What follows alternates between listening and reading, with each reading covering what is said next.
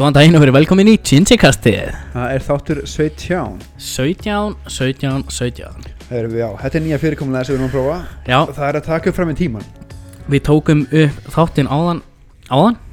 Aðan aðan, já, Já, við tókum upp þátt 16 fyrir svona korteri. Já. Ég er pínu kvið fyrir að taka upp fram í tíman sko. Því að Mm. eitthvað major shit gerist síðan í næstu viku. Þá bara hittust við og tökum upp maður. Já, trú En hérna Þetta verið nýja fyrirkomulagið og við ætlum að vera með svona einn þátt talar um það sem er að gerast og vonandi annar sem að talar um bara eitthvað frá hjartanu. Já, þetta er svona current events og síðan eitthvað topic eða eitthvað svona sem við viljum ræðum skilur við og þátturinn sem við erum að taka um núna þátturinn áðan var sponsaður af Lemon Nocco og núna erum við að drekka 7up Free. Sko, já, cocktail kvöldsins er aftur, við erum ekki með neitt núna. Nei, En, sko, fyrir óöfengan choice Skera tvæð þrjár engifersniðar, kristaði í glas og setja 7 frí út í það Það er fucking fucking styrla um, Já, þetta er basically það sem við ætlum að reyna að gera og við ætlum að reyna eins og við getum að halda upp orkuleveli Já, mér grunn samt að þessi þætti verða miklu meira lighthearted. Að um Já, við skulum bara hafa það svolítið En Þetta er doom and gloom bara, já, það voru Já. fyrir slísinu síðan Næsti þáttur er bara, já, höfðu sko. Við ætlum uh, ætla alveg að viðkynna það. Ég sagði við Daniel eftir senasta þátt að koma sér aðeins svona aftur inn í rithman. Við erum ekki búin að taka upp í einhverja þrjára vikur núna Já, sko, ég bara fann það núna Ég fann þetta ekki fyrir eftir á hvað það er gott fyrir þannig okkur tvo að vera með podcast í að því maður hittir engan, þetta er bara svona ægum að ég að tala bara Yep. haldið upp í samskiptahæfileikum Jep, það er bara svolítið svoleiðis. En í þessum þætti langar okkur alveg rosalega að tala um ferðalög og, og okkar ferðalög og framtíðar Við þau höfum verða ekki einhvern og, saman og já, og tattooin sem við ætlum að fá okkur og tattooin sem við erum búinir að fá okkur og bara tala svolítið vera bara létti ljúfur og kátir eins og, eins og stendur í descriptioninu. Já. En heyrðu, prífisum þetta. Trúðu þú að bólefnið? Já, Lefum það endur þetta. Heldurðu að við munum bara go back to normal og fá að ferðast og allt það þegar við erum að fá það? nei. Ég held ekki heldur, ég held Ég held að ég eftir að taka einhver tíma fyrir þetta að jafna sig og deyja niður út af því að það eru sumlönd sem að fá þetta ekki strax. Bólefni það er að segja. En ég ætla að segja sko eitt með þetta bólefni er að ég hef fulla trú á því vegna þess að ég sé rosa margar greinar og rosa margar pósta og rosa mörg tvít talandi um að bólefni sem er þróað á nýju mánuðum og ekkert búið að testa þú veist og bla bla bla ekkert búið að testa langvarandi áhrif og fleira. Þú veist það er ekki hægt að treysta því. Ok, en ég treysti því út af því að öll heimsbyggðin var að vinna þessu bólöfni á sama tíma. Það hefur aldrei verið svoleiðis áður. fucking Plague Inc. bara hvað, the Já. whole world is working on a cure Já. Það er svona- þannig að þú veist, þá kemur þetta bara. Já, já, þú veist, út af því að þetta hefur verið svo rosaleg samstæða á milli þjóða að búa til þetta bólöfni þá hef ég fulla trú að því. Út Ég af því líka að það, bara he, svona- það hefur aldrei komið upp áður svona all hands on deck dæmi sko.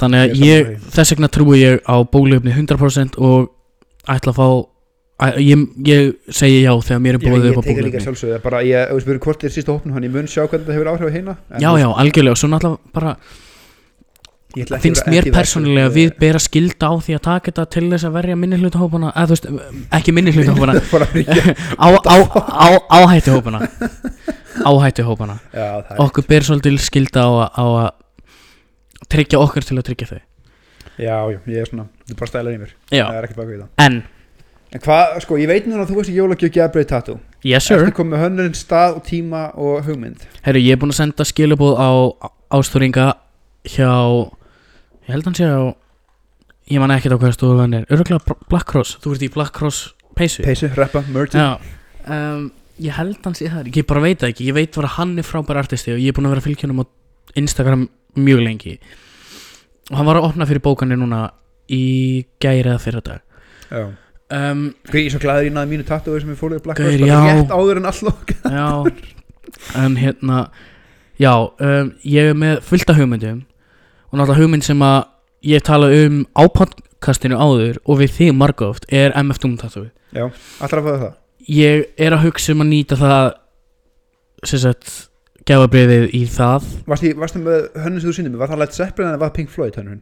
Pink Floyd það Pink Floyd? Pink Floyd. Það var The Wall og Já, og Wall, Dark Side og allt það. Wall, Darkseid og Wish You Were Here, Wish You Were Here Allt í sömu, ógisla flott Ætlar að dippa það að taka MF Doom í staðin?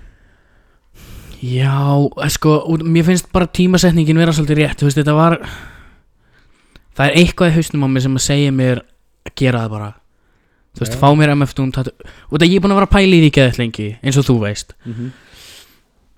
og þú veist núna að hann sé þú veist látin og allt skilur breytir því ekkert að mér langar jafn mikið í þetta tattoo en það er samt svona einhvern veginn mér langar að minnast hans svoleiðis Já, skiljanlega, en ertu komið fyrir tíma eða? Tíma ramma eða? nei, nei, nei, hann á eftir að skila nei, skila, svara skilabóðinu mínum á Facebook. Ég sendi honum fyrst á Instagram og hann sagði að allar bókanir færi í gegnum Facebook hjá honum. Já, já, og hann postaði svo, þú veist, setna á Instagrami sitt, þú veist, opna fyrir bókanir þannig að hann er auðvitað með fokklót af skilabóðum til að fara í gegnum. Já, þannig að hérna ég sitt bara býð, og býð rólegur eftir því en þú veist, það er bæði Pink Floyd tattooið, það er MF Doom tattooið og svo slífið vikinga uh, goðafræði þema slífið mitt sem ég hef ætlað að fara í skilur síðan ég var í veist, á annar öðan í mentó. Hvenær skal þessi er, eða hvað ætlar að fá þér? MF Doom Já, Ég er að pæli að hafa við Ste- Zeppelin sko. Já, já, ok. Og fyrir þá sem ekki vita það er með Zeppelin inn á framhandlegnum þannig að Vinstra minn, vinstra minn, já. Á, já, vinstri hendi. Ef þið fórið á Black Cross, þá mæla að köpa ykkur hættupessu Það eru fokkið þægilegar. Já, ég hérna ætla að ég ætla vonandi að komast í tattoo svona á næsta mánuðinum.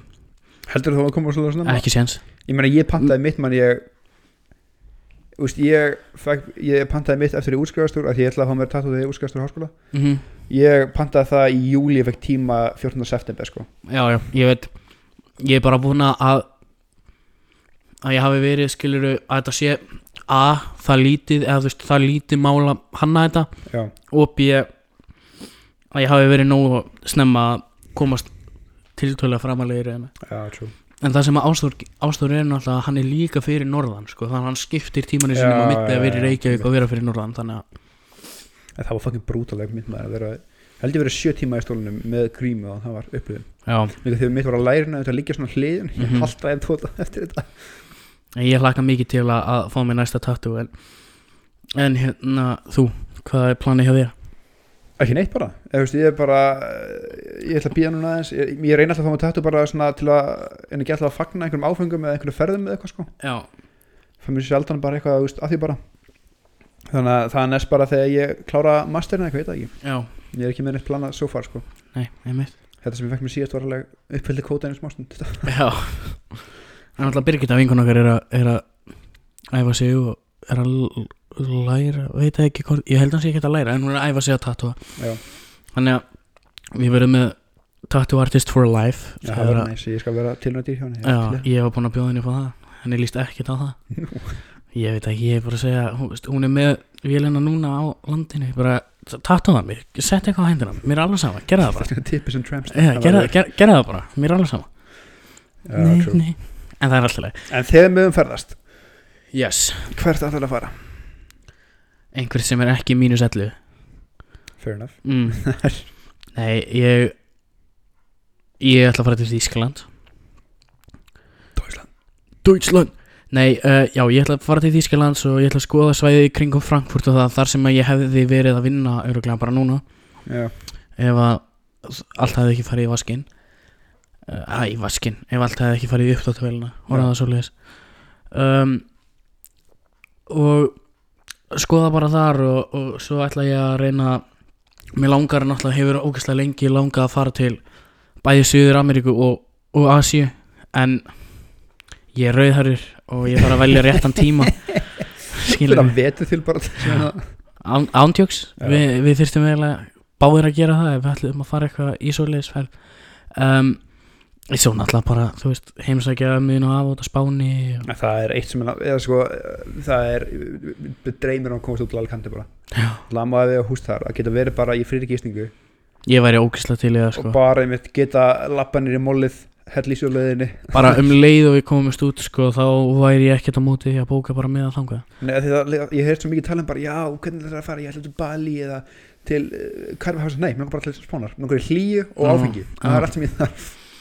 ég er alveg geim í það. Ég ætla með mömmu til Belfast. Ú. þú mátt örgulega koma með.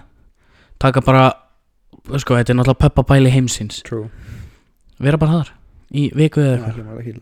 er að síðasta ferð sem ég fór í var að fyrir þann kannar í síðasta jólu var Dublin sko, Já, við erum að Ég er allan búin að neyða mömmu Ég samþekki það að taka mig með næst þegar hún og, og vinkonur hennar fara til Belfast. Þannig að þú ert velkomin með í það. Mér ræði þessi Já, ég held að það sé fakkin stending að vera það sko Og mér langar líka, ég verð á einhverjum tímapunkti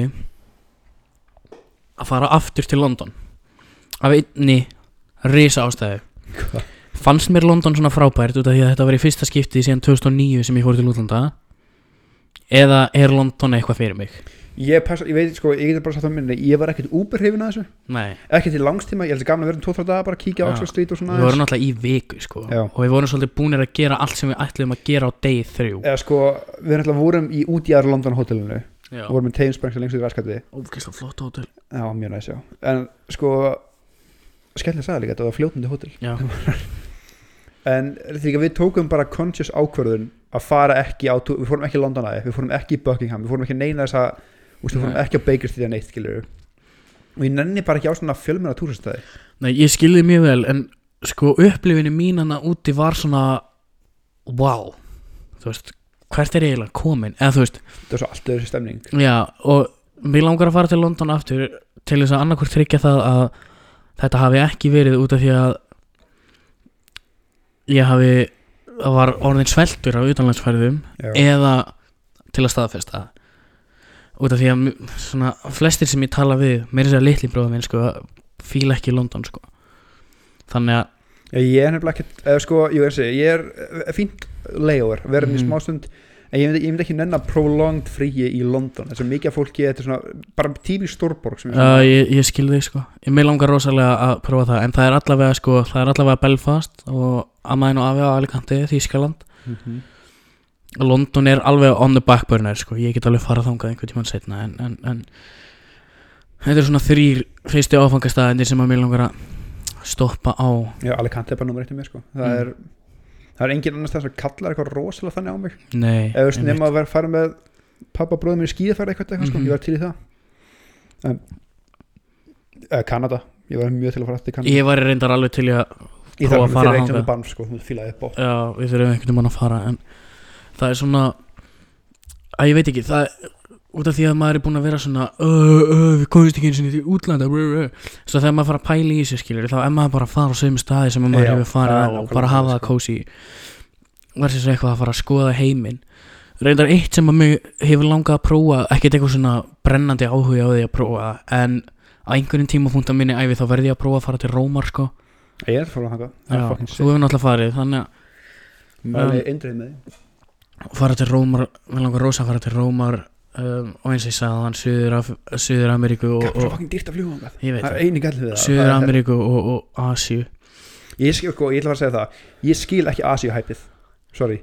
Að Sko- sko, því að það alltaf var ok, sérstaklega okkar árgangur og þessi tvö ár pluss mínus okkur það var bara eitthvað hæp að fara í Asíureysu já ég veit það. En það er sko það sem að mig langar að sjá er eru ekki strandirnar eða, eða neitt. Mig langar að fara til Vietnam og Kambodíu sko. það var, fór allir einhvern veginn þangað já, ég myndi á til Myanmar og þú veist ég skil það ekki, mér veist ekkert heillandi við þessu lönd. Nei, ég, ég Marja skil fór það náttúrulega í einhverja, þú veist, hún stoppaði sér langa og hún er sagt betur frá því í þættunum sem við tökum. Mm -hmm.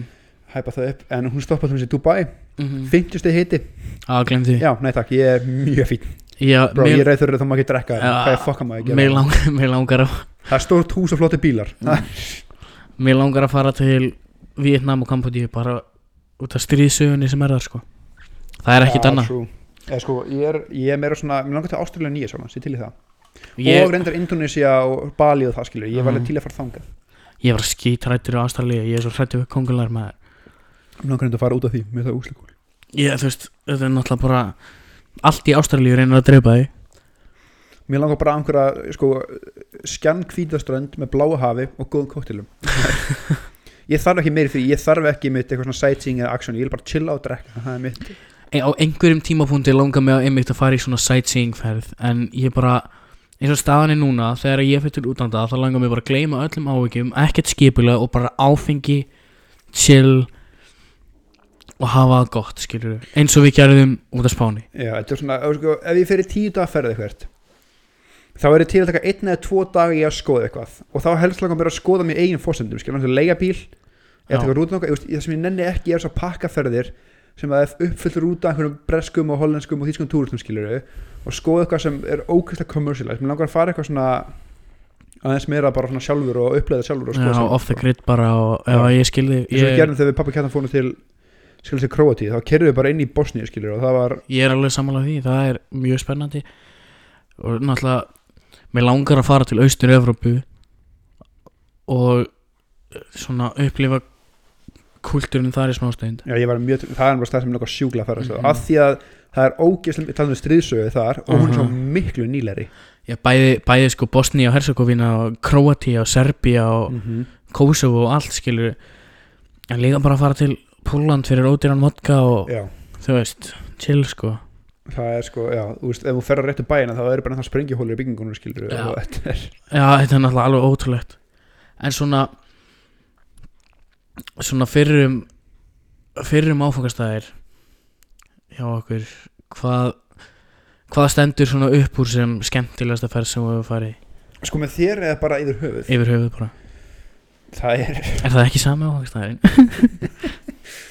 það er að ég, ég er svo erð með að velja þetta er svona sem börnum mín ég, Já, ég skilði nei, það er, ég held að ef maður sk- ef ég skoða þetta heilt yfir um, að það er svona svo erfitt að því að þú veist, ég fara svo marga ferðir sem er svo mismunandi eins og svo Kanadaferðina, ég farið til sem með Kanada með pappa og bróða mínum. Mm -hmm. þær hafa báða verið geggjar af því að mitt Kanada er bara bandaríkin light. Mm það er skilur uh, næs fólk þarna eins og við vorum í Banff sem er í Alberta fylkinu sem er svona vestar í Kanada. Mhm. og fórum í skýri sort þar sem heitir Sunshine Village sem er geðveikt. En það, það var einmitt oft 30 stiga froskilur um að skýða og eitthvað. En það var bara svo þægilegt chillast, chillu stemning. Það var bara um hótelherbyggin sem fórum eitthvað labbaði, þetta lítil bær, maður fór bara að labbaði eitthvað á geggja veitingastæði. Mhm. og sem var bara með fjallinu og sem gæði maður kert inn í klukkutíma inn í stóran bæ og farið í móla sem allt, allt kostaði ekki neitt einhvern veginn en síðan líka með að fara einmitt þegar við fórum til Alicante eða þegar við vorum með mömmu og Mari og kjartan til Kanari skilur í svona chillferði bara að sóla sig á stundinni mm það er líka geggja og eða þegar fórum til Róm með skólanum skilur það er svo erfitt að velja einhvern eina stand out þú veist, jamferðin er alltaf skemmtilega með þér Mhm. en það hefur bara farið jamferðin með þér og þegar fórum með vinnum mínum til Litáin yfir Vestlum helgina, það var fucking sick. Já, náttúrulega Mexiko já, og Mexiko, náttúrulega tala ekki um það ég eitti 11 dögum í klasi það var sick, ekki Það er ekki ekki en það þér? Ég held að ég taki Alicante þegar við fórum þangað. Ég held sko sko bara helga fyrir náttúrulega Benidorm var náttúrulega bara bonkers. Já, frábæra minningar þaðan. Já, það sem að mann þarf að segja. Mm. En svona heilt yfir já Það var Bæði öruglega sko Þægilegasta ferð sem ég farið í Upp á bara Vorum bara fullir og vorum bara chilla. En Náttúrulega Þykir rosalega vænt um seinasta sumar Út af Finnlandi og já, true. eða þar senasta sumar núna út af Finnlandi og, og flugvirkjanum og það. En ég gerði ekkert í Finnlandi annað en að vinna sko, já, ekkert. Þannig að það svona, þú veist, distortaði það svolítið fyrsta skipti sem ég fór til útlanda var 2009 þá fór ég til Spánar líka.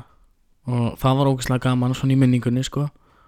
En það var líka svona allt voða skipulagt og að bæði og við gerðum eiginlega ekkert, við fórum í Terramítika og svona en þú veist fyrir utan það þá já, alveg, hún er svo þægileg bara, við gístum bara um afa. Já, afi skuttlokt til fucking Benidorm.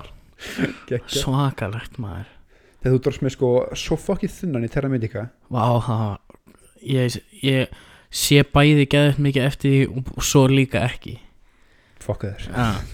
en uh, með í rúsabanna fyrir leikjur ég bara ah, ég breytti svo mikið fucking afa í Terra Medica ég, Ég bara satt það. undir sólíf með bjór og töskutnar það var svo fucking heitt maður. Þessi dagur var bara störlaður en hérna um, sko í fyrsta skipti sem þá var þetta einmitt líka svona við fórum heim til skiluru mömmu og pappa fyrir hann til mannsinsanar mömmu veist þau áttu húsana Já. úti bara rétt hjá Alicante í bæ, bæir sem heitir Moreira Moreira og við vorum þar í húsinu þeirra bara chilla, þú veist, í sundluginni og eitthvað og, og hérna ég var náttúrulega fór ekkert mikið og nýs og sundlugin Ég er það, ég elska það að ferðum því að við erum jafn, okkur jafn illaða vatn. Já, ég hata vatn, ég er svo hrættur við vatn Já sko það er alveg, litli bróðum minn áskum við að vassrættur sem er fokk kjæft það mm, Því ég veit að þú ert vassrættur og ég veit hvernig þú lætur kringum vatn. Já, Þannig að það er mitt svona baseline. Ég bara hata að vera, ég skil ekki að hæpa bakur strendur. Ég ætla að fá að segja það núna. Að fara í sjóin á Sjóin á ströndinni strönd er ofmetnasta fokkin dæmi í heiminum. Maður á að setja undir sólhlíf og drekka bjór. Já. Og það er ekki það sem hrættu við vatn, það er það ég hata að vera kalt. Já. Af því að ég hef einu sem lendi því að fara hún í sjó og koma upp í sjónum og ég er ekki að fokkin frjósa og það Mm. var í Mexiko Já, þegar var 30. hiti og sjórin var líka hlýr af því að þó að þetta 25. hiti á, í- á Spáni og svona þá er sjórin samt bara 12 gráður eða eitthvað þannig er þetta ís fokkin kaldur já Nema á svona kommersialist ströndum Já. þar sem að sjórin er hitaður skilur Nei, ég fór meira, ég fór alltaf að sjóin á nóttunni í Mexiko var, Já, en við hérna en, veist, það var bara eiginlega alveg eins ferð nema þú veist, við fórum af og til í eitthvað annað skilur fórum í Terramítika og fórum í eitthvað mól það fyrsta skipt á æfinni minni sem að ég sá íkorna. Og þú veist bara ógeðslega gaman gaman að fara fara þarna og góð ferð í minningunni. En Alicante ferðin var svona náttúrulega London var mjög gaman fannst mér fyrsta skipti sem ég fór til útlanda í átta ár. Já, en líka það voru svo mikið fokkin krakkar þegar við vorum þetta var svo við vorum, það er nefnilega máli sko, við vorum átjánara Já. að vera 19, við vorum bara 18 eftir tæm þegar við vorum Já, og við hérna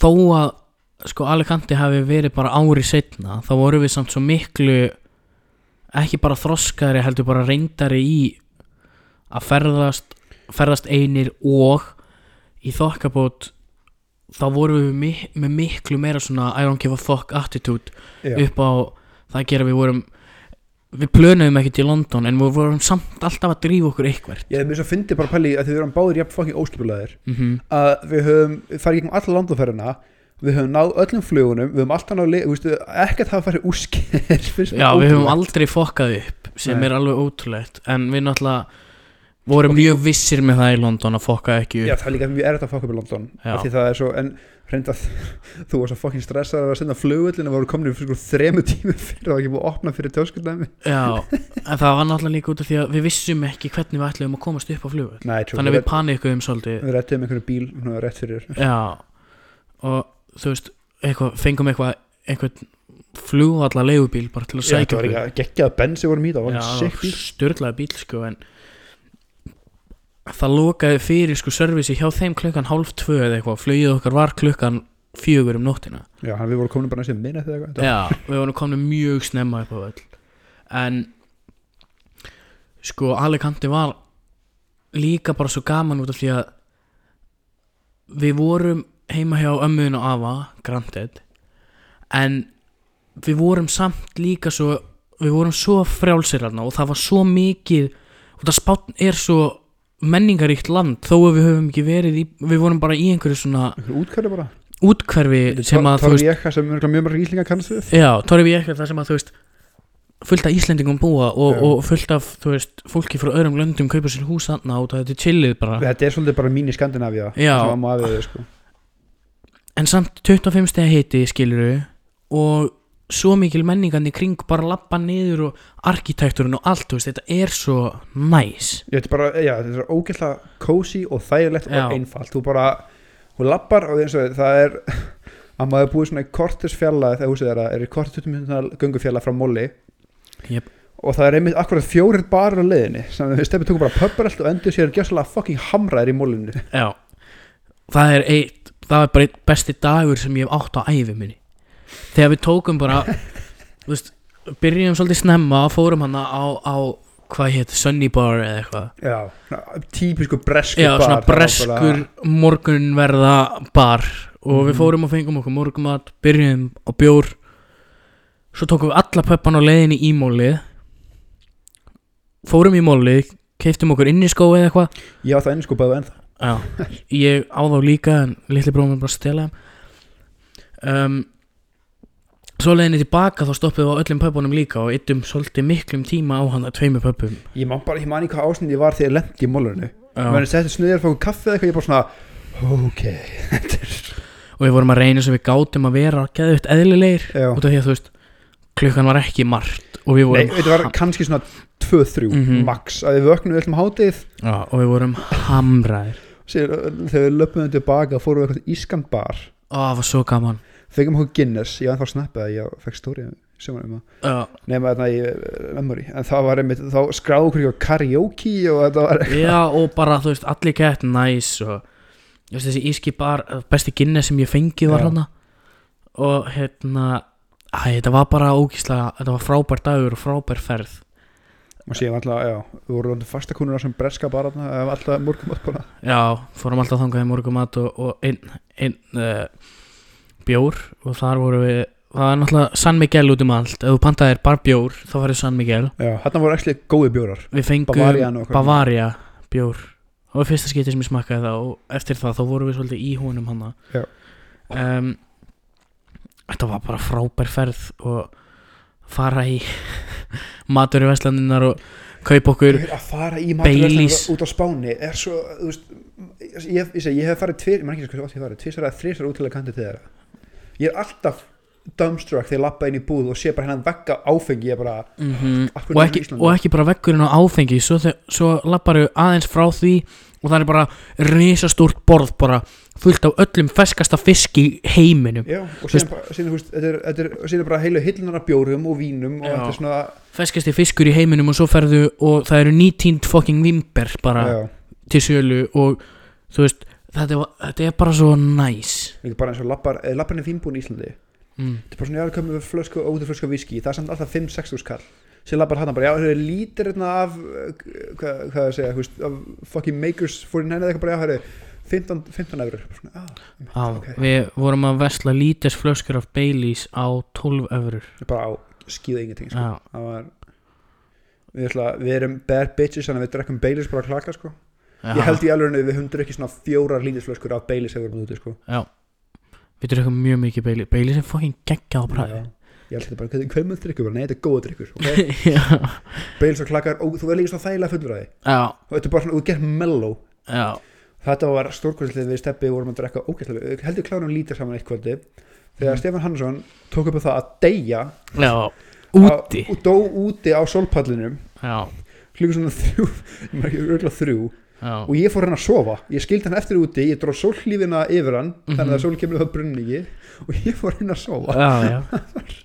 þannig að þegar afi vaknaði alltaf kláðan 6 kom fram, þá var steppi bara Nei, va- vaknaði eitthvað undan, ekki manni hvernig það var. Ég vaknaði á undan en ég held mig í stólnum sko. Þannig að aðeins kom þá var bara stefnir sofandi og sólpall Já, já. Var mjög, það var mjög skemmtilegt. Því líka það er alveg sem ég hlýtt skilur á kvöldinu þetta. Já, ég, ég, var, al- ég var aldrei eitthvað Öð, ekkur tókstu mikið inn? Ég var bara, "Ah, ok, whatever. Takk fyrir sólífuna Já, einmitt. En uh, þetta, þetta var ókíslega skemmtileg færð ætluðum bara að fara og veist, við vorum tips í alla ferðina sko, við ætluðum að fara og verða shit feist Þetta er með næsta skref. Sem að tókst. Ó, fucking afskaplega fucking vel um, Við pöntum okkur svona hótel bara ílega í smack downtown. Þetta var Já. geggjaða stæði sem við vorum á sko. Mjög góð staðsending Það var svona, það var ekki svona vegur að þessu eiginlega, eiginlega. Og það var geggjað bara á þakinu sko. Ég maður bara um koman að það fræðast þið hitti Við settum okkur stólna gína tónik og sáum yfir allt berið dán Það var, rosalegt, það var ógeðslega flott. Nema við fengum, restin á hótelinu var skelfileg. Já, eftir, við fengum herbyggja einhver tilbúði mm og komist ekki að því fyrir að komin að það var ástæðan fyrir þetta tilbúið var að öll hæðin fyrir nokkar herbyggi var að hýsa eitthvað sambíli Mm og það er ekki sem djók, þetta var bóstálega sambíli sem var heimsökjæta, þannig að það var svona háaði var svolítið, það var svolítið hávaðan alltaf og, og, og hérna við vorum svo fullir að þetta skil ekki múli já já en bara þú veist við bara fengum að við sváum hann á búið sko. Já. en, var, barinn uppi á þakkinu var, var rosaleg ég hef aldrei séð svona. En það var líka svo þægild að því að hótel okkar svona vegun frá því lá að svona göngugötu þá voru barir í hverju bara, bara að, úst, öll gatan voru bara klubbar, barir og pubbar og uh, sá bar sem var svona með þeim næstu hótelin okkar var designated gin og tonic bar. Já, það var geðvikt vitið við vorum ekki að hata það við við erum miklu gin og tónik menn og það gætu við fundið okkur proper gin og tónik já. Fokk það gott. Reyndar kefti sko dýrasta kóttel sem ég kefti á æfi minni þar. Monkey, Nei, hitt hann það sem var aðeins dýra Já, Jésús Kristus Borgaði 5 skall fyrir tvöfaldan gin og tónik. Já. Ég hefði getað hoppað inn í næstu fókin maturverslun og keift sko heila flösku af gini fyrir minna. Já, bústaflega, fyrir eitt skot að þess að þú fengið svona hálf lítur af góða hínu Já, En það var, Ben er fokkin skemmtileg. Í takmörkuðu mag Já, þú veist, þetta var, við reyndar undir loki voru bara svona, ok, við langar bara heim. Við vorum komin með alveg nóg. Þetta er En við tókum líka svolítið stíp jam, sko. Við, já en við sáum samt ekkert veist, Við vorum eiginlega ekkert innan einum stöðum Nei, við vorum bara röldum frá bar til bar að hella okkur. Og ég, ég sko, put a, put a gun to my head Ég get ekki sagt hvað gerist hvort kvöldið. Nei, Það ekki heldur. allt saman fyrir mér. Ég man, við fórum á tvo mjög dýra veitingastæði annar, og þú veist, sé hvort kvöldið. Ég man ekkert hvað kom á undan eða hvað var á eftir. Ég, ég man bara það var gæði sem var heimilislaus, íslendingur Já, sem gaf mér spýtt sem ég hendi. Mm -hmm. uh, Við vorum, ef við við erum ekki að segja Bara the story. barþjónastöðuna sko. Guð minn almáttur, ok um, Daniel er rosalega lélugur að vita hvenær er verið að reyna við hann. Og hefur alltaf verið það. Já. Hvort sem að eru uh, alveg sama hvaða kyn það er sem er að reyna við þig. En við vorum að labba fram hjá svona þetta var bara þessi típíski strandbar skilur bara hóla í vegg Já, og fullt áfengi í búið bara Mhm. kottu og fá og þér við áfengi. settumst bara niður fengum fór eitthvað og barþjóðnin eftir á hyggja þegar ég lítið baka bar þessum merki að vera eh, hins einn. Já ég meina hann hann virtist allavega að vera mjög skotin í þér sko. Ég fatt að það sjálfsög ekki, ég held bara mjög vinarlega barþjóð mm og ég, spjall, ég endaði mann, ég spjalla ekki ekki við hann. Ég var, stað bara barnum talandi við hann og gaf eitthvað stanninu fimm stjörnur review á fucking TripAdvisor og og hann var svo ánægðum af því við tippum líka alveg já. Ágæ- ágæ- ágætis peninskilum mm og hann kom til okkar að borðið skilur og með svona stóra svona bar, barflösku af Bacardi rommi eða einhverju. Já. Og heldur bara beinti að- ég man ekki okkur eða allan mig. Hann held hún í mig líka sko. Ég held bara að það væri geðvitt vinarlega barþjóð, bara svona my bro. Var steppið daginn eftir bara, hver, hann var svo reynað ekki við ég bara, Gauir, svo þegar það rann af þér sko, ég man daginn eftir þegar það var runnið að þér og við vorum að fara fyrst á stjá og þú lappaðir hann framhjá og þú byrjaðir eitthvað að tala við hann hann byrjaði að tala eitthvað við þig. Og þú bara já, einmitt. Ég sé það núna þegar þú segir það sko. En hann var hann var alveg frábæri þessi gæi sko. En en hérna, Hann ætlaði- gaf okkur fokki mikið af hann gaf áfengi sko. geðvitt mikið áfengi frýtt. Já, hann við vorum gísal hamra, hann ætlaði heim með mér. Já, já, já. en hérna svo ég var bara flattered, ég, ég fíla þetta. Ég skil okkur Já. gæða fíla svo náttúrulega lendum við í því að við vorum veittir inn á staði skilur eins og Já. var svo oft. Það, já, sem heldur áfram röltun okkar og það var allt, allir, fyrir allar staðina var einhverjar pýr bara, herri, viljið koma inn, það frýtt skot. Þannig við fórum alltaf inn. Tókum frískoti og löpum út. Náðum einhvern tímann að, að þetta var alltaf svona gett ódýtt áfengið og kannski jag er að beilis eitthvað. Við kjöptum einhvern tímann inn í tequila skot. Mhm. Það var geggjað maður. Og, og, og við vorum svo fucking mölvaðir. Og me, sko 50% af áfenginu sem við drukkum annað kvöldi man ekki hvort kvöldi það var var ókipis áfengi. Og síðan hann vorum að lappa hann í stönduna og ég rekst utan í gæja, svona shouldera bara típis svona eins og starta að fæta eitthvað. Já. Nema hann spyr eitthvað, ég er ég er að og segir síðan weed. Og Mhm. ég held að hann til að spyrja mig hvort að ég eigi gras. Já. Og ég bara eitthvað, nei, en ég, veist, að ég kefti mér tvo pakkar sígaretum já. Og bara, heyrðu, nei, ég á sígaretu, viltu? Hann eitthvað, já, og ég gaf hann restina af pakkanum mínum. Og hann bara, kveikjarann. "Já, Takk maður, og kveikir hann og kveikjar hann, já og síðan, bara, og síðan erum við að fara tilbaka og stoppum við að barnum hjá félag okkar. Heyrðu, það var gæinn sem ég rækst utan í, vinur hans. Og ég man ekki hvernig það komið hann spurði hvort ég að kaupa eitthvað gröma grasið eða eitthvað. Já. Og ég er svo mikill yes-menn í glasi það er allt sérlega, ég er bara, já, já, okkur ekki? Enda að lappa með honum í hraðbank að taka út pening og lengst inn í Benidorm sko, Mhm. inn í einhverja, í einhverja íbúðarhús. Hann bara, já, býtur hann inn í þér í lobbyinu hann ætlaði upp í liftuna og sækja grasi og hann var ógeðslega lengi í burtu. Og svona eftir að tímið var svona var hann bara að fokka mér það, Mhm. sko, það er svona on me sem kom hann og ódýrsta gara sem ég keft já. En Stefán svolítið að post bara öllum fíknefnum hann hann lifi henda í Alls ekki, ég er ekki á post öllum fíknefni Ég er, mér er alveg sama hvort- þótt að fólk tæki fíknefni Ég var bara svo, út af það er svo mikið að lauruglu þjónum hann það sem að við vorum á ströndinni og mikið að hundum já, og það er glæpur að eiga, vera Nei, með það er afglæpavætt, það var sekt. Já, það er það, sagt. og, og við vorum sko, fyrsta lagi náttúrulega vissum við ekkert hvernig áttum að rúlla. Þú veist.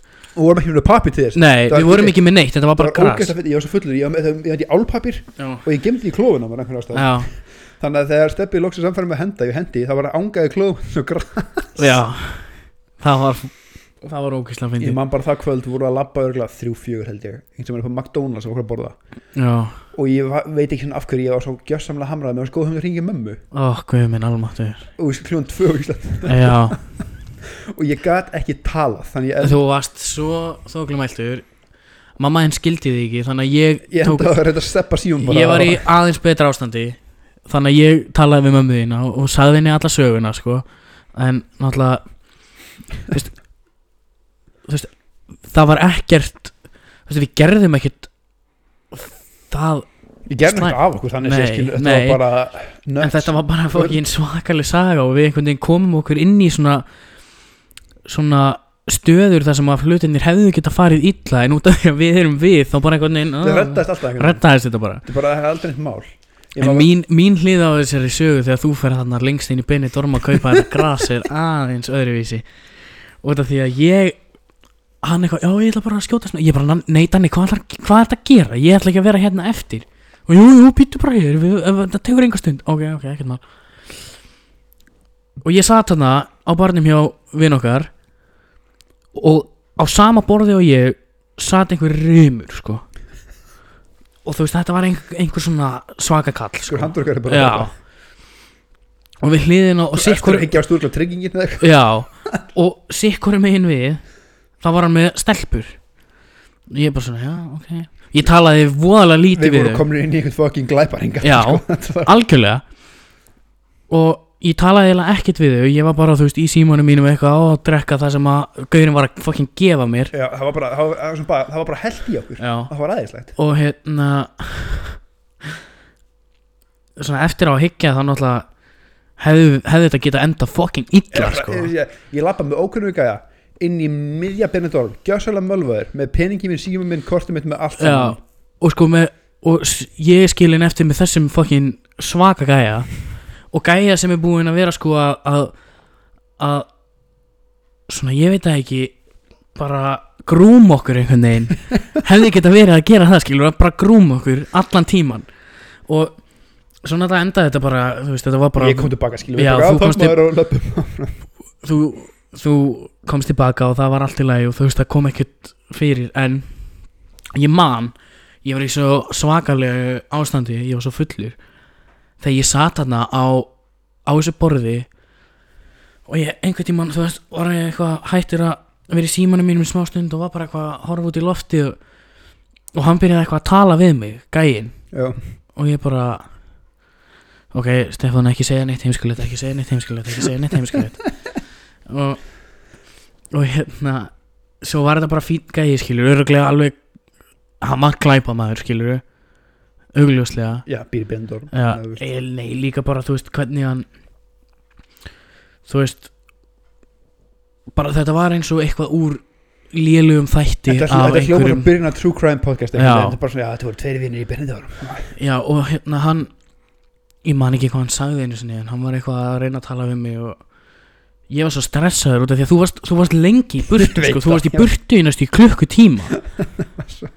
Og hérna Æ, þetta var, þetta var mjög óþægilegt og svo léttir en þegar þú komst tilbaka. Ég held á tímabili, sko af Því að þú svaraðir ekki síman og því ég var í sambandi við þig, sko. Svo svaraðir ekki síman í einhver tíma og meðan þú varst að taka út pening í hraðbankanum eða eitthvað. Og Og hérna Og hérna Ég var bara, ja, Danni er döður Það er búið að ræna um hann í mannsal fulli, fulli hausinn minn sagði bara, "Hey, Danni er döður eða eitthvað, hann er búið að taka allt af honum og hann er bara einhver stað Ég týndur bara með vesen sem við lendi í og samt við höfum ekki lendin inn í Það ég er- það. Þetta var við, við gætum hafa verið hefnir eða við vorum bara það fullir að við heldum bara að þetta væri allt öðruvísi. Ég held samt að þetta, ég þessi blanda báðu.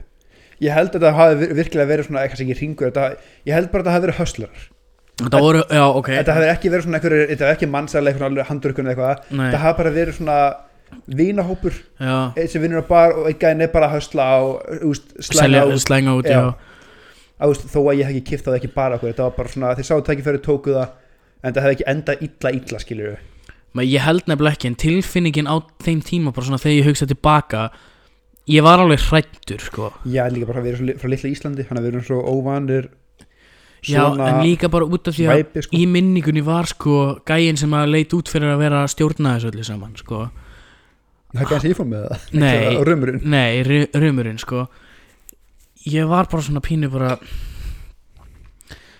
Fokk sko, ég bara þóri ekki einu svona horf í augun á þessum Ég sko það, ég, hvað? gle- ég glemur svolítið að gæinn sem ég fór með talaði alltaf ennsku við, við, einhvern veginn náðum að bara communicate á mjög takmarkaðir ennsku skilur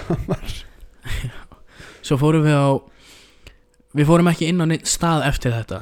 Við, var þetta ekki kvöldið sem við endum upp á hótelherbygginu að hlusta á Fair til of New York 13 sinum í röð? Jú. Þegar ég setti story á Snapchat mig syngja með RP einvinda sinni eða ég er so fucking fun Já, já.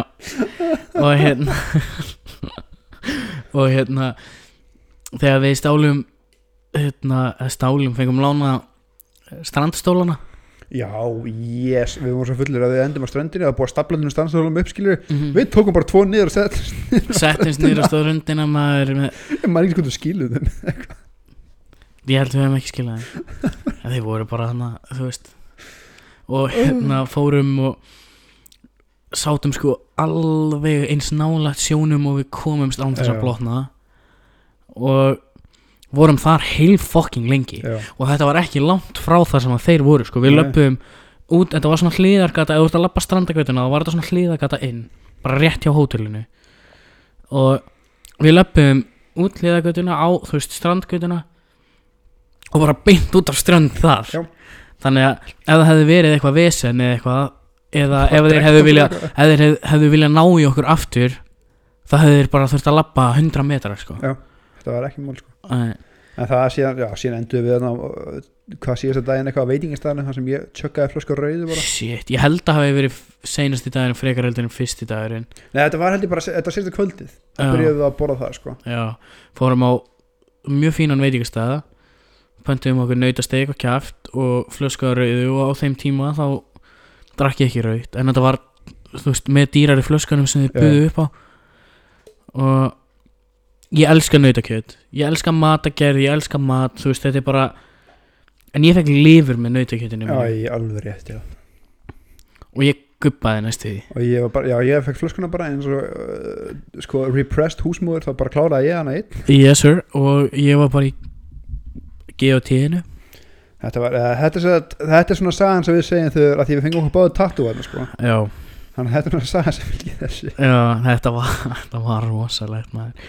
En líka bara hugsaði þetta tilbaka þá hefur við við tókum alla réttu ákvarðanir já, einhvern veginn, já, við tókum alla röngu samt réttu. Þetta var svona einhvern veginn Þú veist, við tókum kannski rángar ákvarðanir alveg í byrjun kvöldsins En allt sem að fylgdi því var bara raukhugsun og Nei, svona, the drunken rökhugsun. Já, dröngan raukhugsun sem að lit okkur í það að vera ekki allavega landir í klessu og rændir sko sem var alveg ótrúlegt. Já, tveir rauðþærir fullíka frá Íslandi skilur við erum báður, við erum er eitthvað svona aggro eða eitthvað, við erum bara Nei, við erum líka bara við erum líka bara svo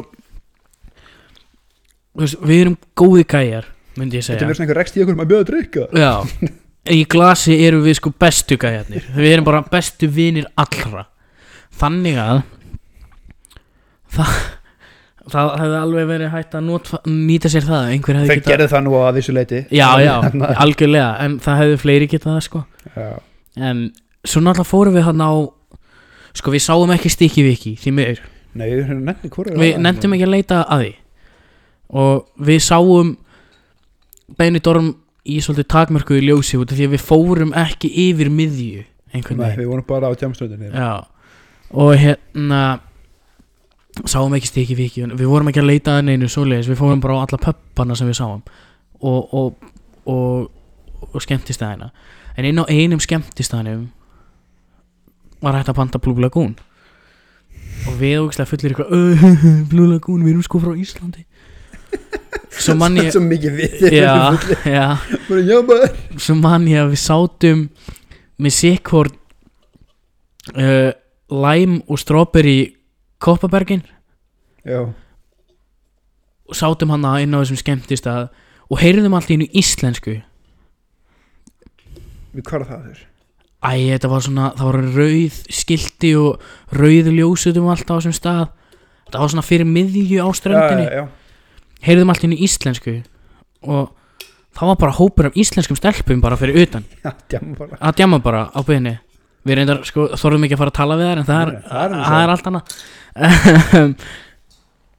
Þetta var ógeðslega skemmtilegt Og þó að ég hafi verið, sko Mjög hrættur í 40 mínútur Þá Þá var þetta samt algjörlega.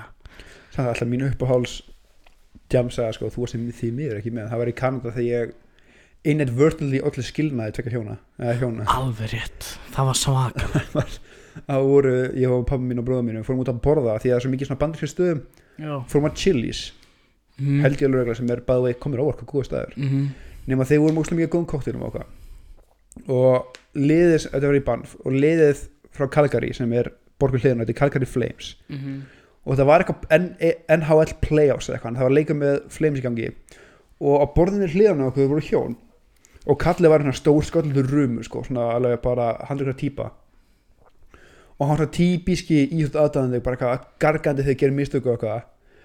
Og allir í kringu voru bara what the fuck skilur? Og svona voru ekki að fílda nema pappi, hann er alltaf bara svona ég ætla að fara að spjalla hann eitthvað og þetta enda þannig að hann byrja bara svona eitthvað að því að við vorum eins og nefnt að tala við þau, skilur, þetta var mjög indislega hjónuleg og við höfum ekki spjalla og síðan bara kemur hann alltaf til pappa með með eitthvað jager sko, bara já, eitthvað, hefðis eitthvað með henni eitthvað? Og heldur sinna annan drikk í það og ég bara svona, minn okkur í drikk þannig að þegar hann fór á klóstið þá fór ég líka á klóstið og fór upp að pissa og svo þú hendur og þá snýmið hann bara eitthvað, the fucking flames man. Eitthvað, hann eitthvað, já, guður og það virkaði, hann að byrja að hella í okkur fullt af drikkjum eitthvað, við hættum við það og byrjum að spjalla og eitthvað. Og endum að einn og hálf tíma og tvo tíma eitthvað bara að drekka úslega mikið.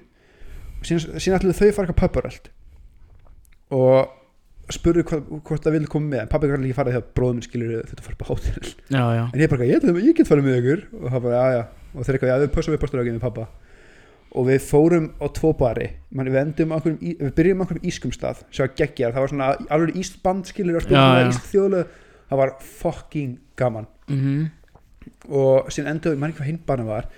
Síðasti bar sem við erum á þá þetta er kjallar, þetta lúkaði bara svo bar og bandarska bíómið þar sem einhverju barinn. Það eru tvö mm. púlborð sem spilakassar Já, og vorum og bara að chilla þar. Og síðan er ég bara eitthvað, heyrðu, ég ég er gerðsamlega hamraðast tímhóndi og þau líka eitthvað síðan ég bara, heyrðu, ég þarf að fara að fara skilur því við ætlum að vakna snemma daginn eftir eitthvað skoða eitthvað vatn og eitthvað. Og ég kem á barnum, nokkuð banda það að Banff er ein gata. Þetta er ein stór gata og nokkuð hliðagötur ég kem upp, ég hef ekki fucking hugmynd hver ég er. Ég byrja að lappa upp einu götuna, snýfi við látt tilbaki ég bara, hver í fuckan er ég maður? Enda á að finna leigubíl sem kyrrir mig í kannski tvær mínútur. Mhm. ég var í svona fimm mínútur göngufjalla frá hótelinu. Ég var, hafði ekki hugmynd hver ég var. Og síðan fer ég bara eitthvað að sofa og vakna ógeðslega þannig daginn eftir. Mhm. Og þá hérna pappi skilabóð konuna því hann aðdæðin báum á Facebook sko. Skilabóð konuna bara, ok, hvernig var ég gerð skilur, haga hans ekki alveg og eitthvað? Og hún eitthvað, jú, hann hafði þessu fullkomlega en uh, maður minn, eða hann eitthvað, hvernig bara John. John lendi, uh, John lendi ykkur slagsmála og lögregl kom að handtóka hann og við erum skilin. Ok. Hvað ég fokkar að gerast þess að ég fór? Shit, maður. Geggið Já, en ég bara svona vaknaði bara, oh boy. Oh boy Ef að þú hefðir ekki far, farið inn á klósett og sagt Fucking fire man. Eða fucking flames. Já, the fucking flames. Þá uh, væri þau ennþá saman í dag. það verið. shit, ég man þú sagði mig frá þessu. Ég man ekki hvort þú hefði sendt mér skilabúð eða voice message eða eitthvað. Þú sagði mig frá þessu meðan þú varst úti.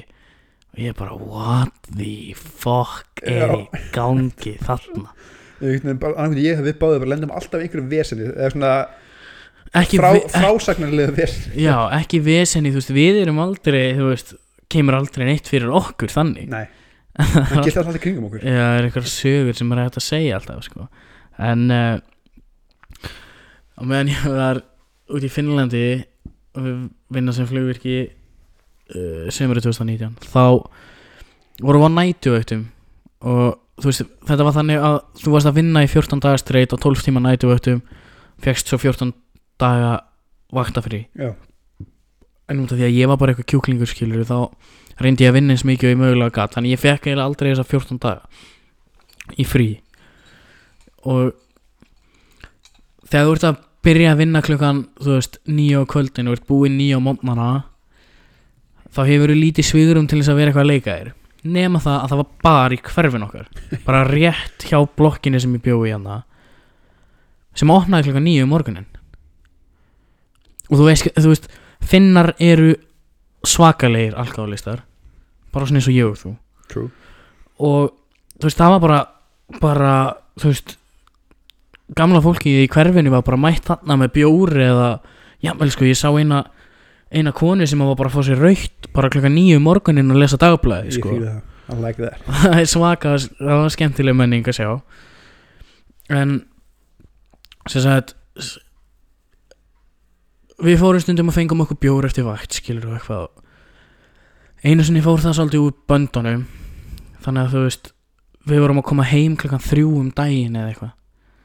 Vorum á sama barnum allan tíman okkur var sparkað út af barnum og það sem er að strákunum var sko, það var svo heitt og farnir úr bara bólum og voru bara berir á ofan og, og hérna það var ekki það var ekki vinsælt en, en veist, barinn klokkan nýjum fokkin morgunin það Nice. var svakalegt.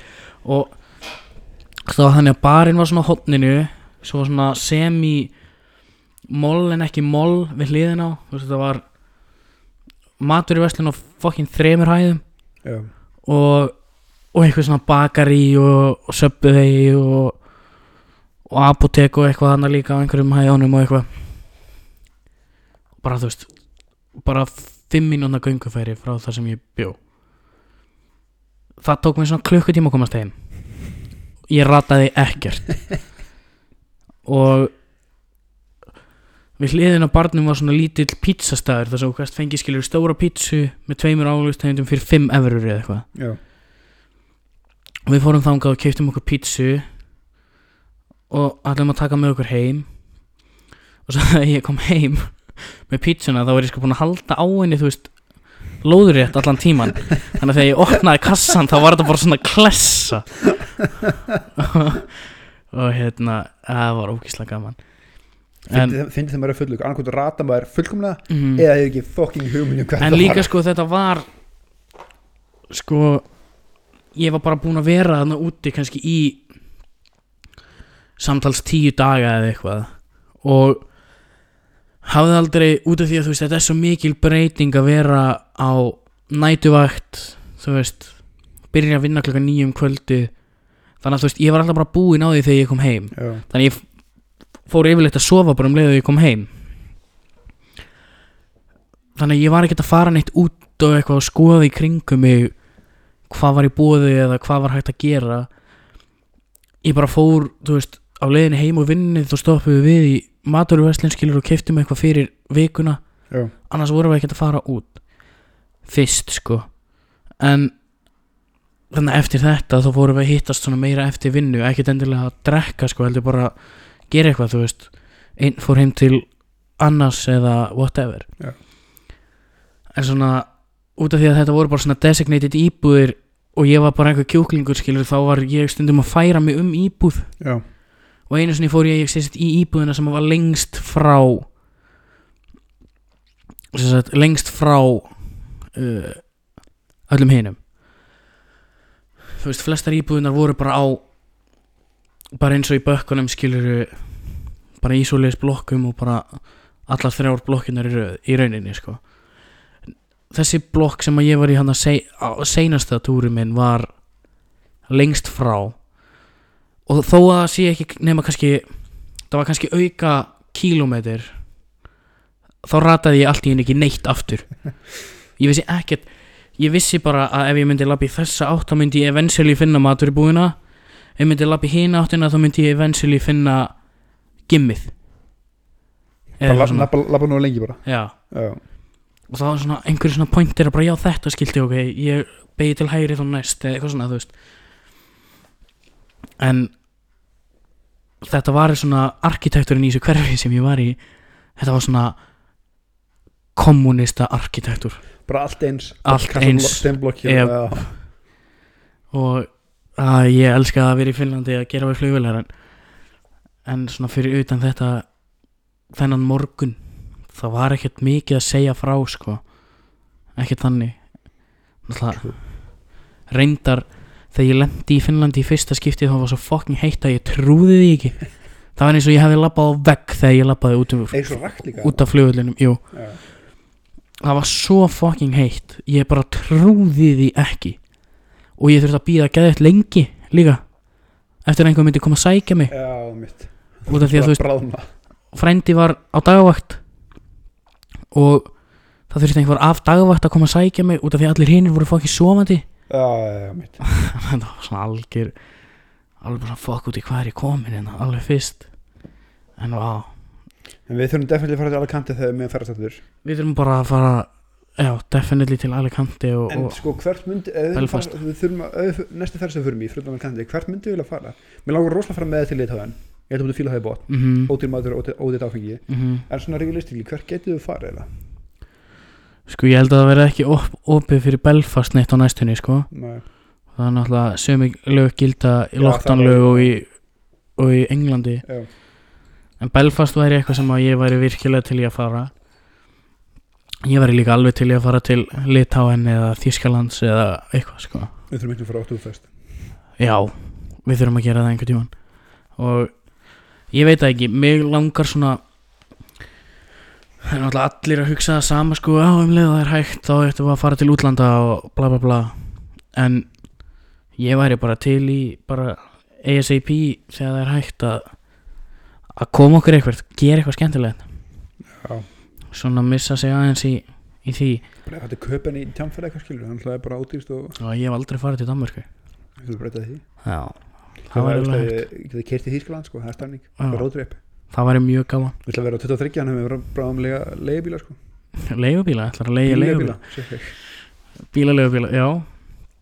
Hvað er það? 25 ára? Ég held að misjátt, bara hvaða bíl, þú veist hvað bíl ferðu sko. Já. Eða bara gert þess að við Pappa bróðum minn gerum mér svona flugum til Frankfurt.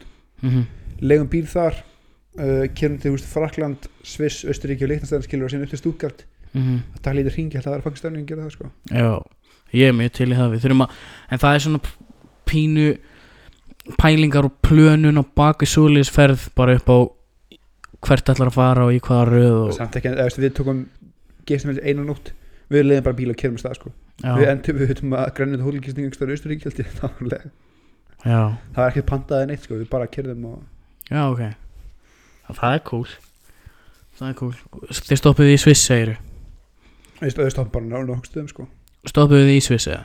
Ég gistum mennur Já, Nei, ég, ég man ekki að Svissi Östuríki, annarkvort já, Ég man eitthvað pínlítið bæri sem bara kerðum inn í og þetta var randitt hótel sko, komum setna að þetta er eitthvað heilsubælis hótel. Já. Bara morgumátur var bara, sperklíkál og fucking Já.